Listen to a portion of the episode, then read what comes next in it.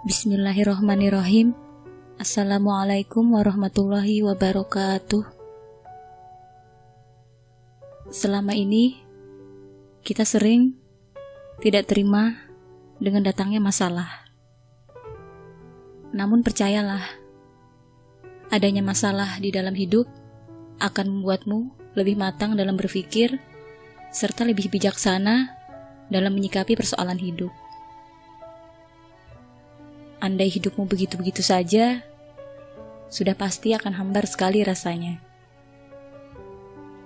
Pada titik terendah, saat seorang muslimah merasa sudah tidak lagi punya harapan, bersandarlah pada Allah yang memberikan kehidupan. Percayalah, semua akan baik-baik saja. Rasa sedih dan takut di dalam dirimu sering mendahului takdir berandai-andai segala sesuatu yang akan terjadi, parahnya hanya kemungkinan buruk yang kamu bayangkan.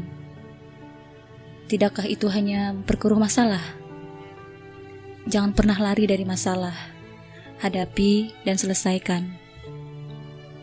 Wajar bila di satu titik kamu merasa jenuh, gagal, stres, bahkan depresi, itu adalah manusiawi.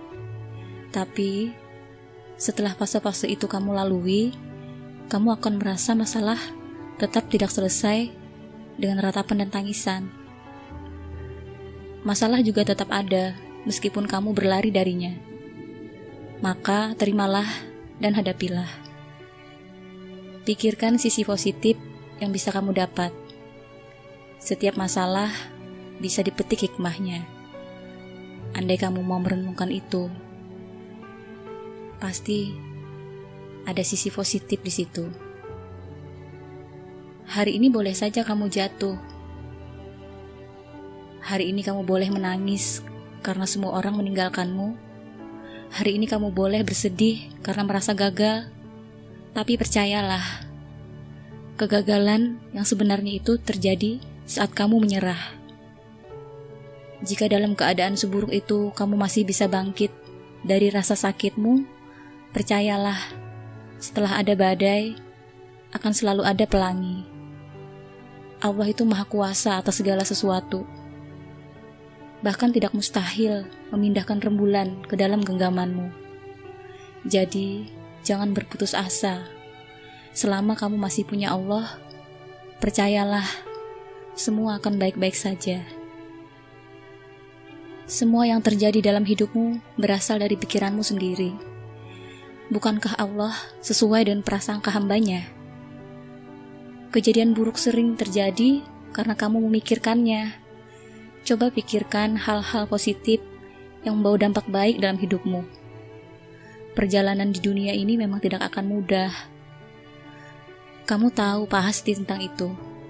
Tapi, selama kamu mau bangkit setiap kali jatuh, selama itu pula kamu masih punya harapan untuk meraih impianmu. Lantas apa yang bisa kamu dapatkan dari masa sulit itu? Pengalaman. Ya, kamu mendapatkan pengalaman berharga selama menjalani masa-masa sulit itu. Kamu mendapatkan pelajaran berharga yang nantinya akan kamu terapkan dalam kehidupanmu di masa akan datang. Yang membuatmu bisa bersikap bijaksana dalam mengambil keputusan, bahkan ketika itu menyangkut orang lain. Allah akan mencukupi kebutuhan makhluknya selama ia senantiasa bersandar pada Allah. Jangan sibuk menggantungkan hidup kepada makhluk. Justru itulah awal mula rasa kecewa dan sakit hati muncul. Allah sebaik-baik yang akan menolongmu dalam setiap kesulitan. Bukankah Allah sudah berjanji bahwa bersama kesulitan pasti ada kemudahan? maka yakinilah itu dengan sebenar-benarnya. Setiap orang yang hidup pasti mengalami masa-masa sulit, karena itu termasuk bumbu kehidupan. Jika kamu tidak pernah kecewa, bagaimana kamu bisa merasa bersyukur atas kehidupanmu sekarang? Jika kamu tidak pernah sakit, bagaimana bisa kamu menikmati masa sehatmu seperti saat ini? It's okay, semua baik-baik saja kok. Katakan itu di dalam diri kamu. Semua yang ada permulaan pasti ada akhirnya. Begitu juga dengan masalah yang sedang kamu hadapi. Meski tidak mudah dan sering menguras air mata, tapi percayalah, itu adalah cara Allah yang paling baik untuk mendewasakanmu. Tidak perlu lantas menyalahkan orang lain, apalagi sengaja mencari kambing hitam karena kamu tidak mampu menguasai situasi. Hadapi, hadapi dan selesaikan. Begitulah cara muslimah sejati menyelesaikan masalah dalam hidupnya. Bukankah semua akan baik-baik saja? Lantas, kenapa kamu bersedih dan lupa bahwa semua terjadi atas izinnya? Kamu tidak bisa menyalahkan siapa pun atas musibah yang kamu hadapi sekarang. Percayalah, kamu selalu punya pilihan untuk mengakhirinya. Wassalamualaikum warahmatullahi wabarakatuh.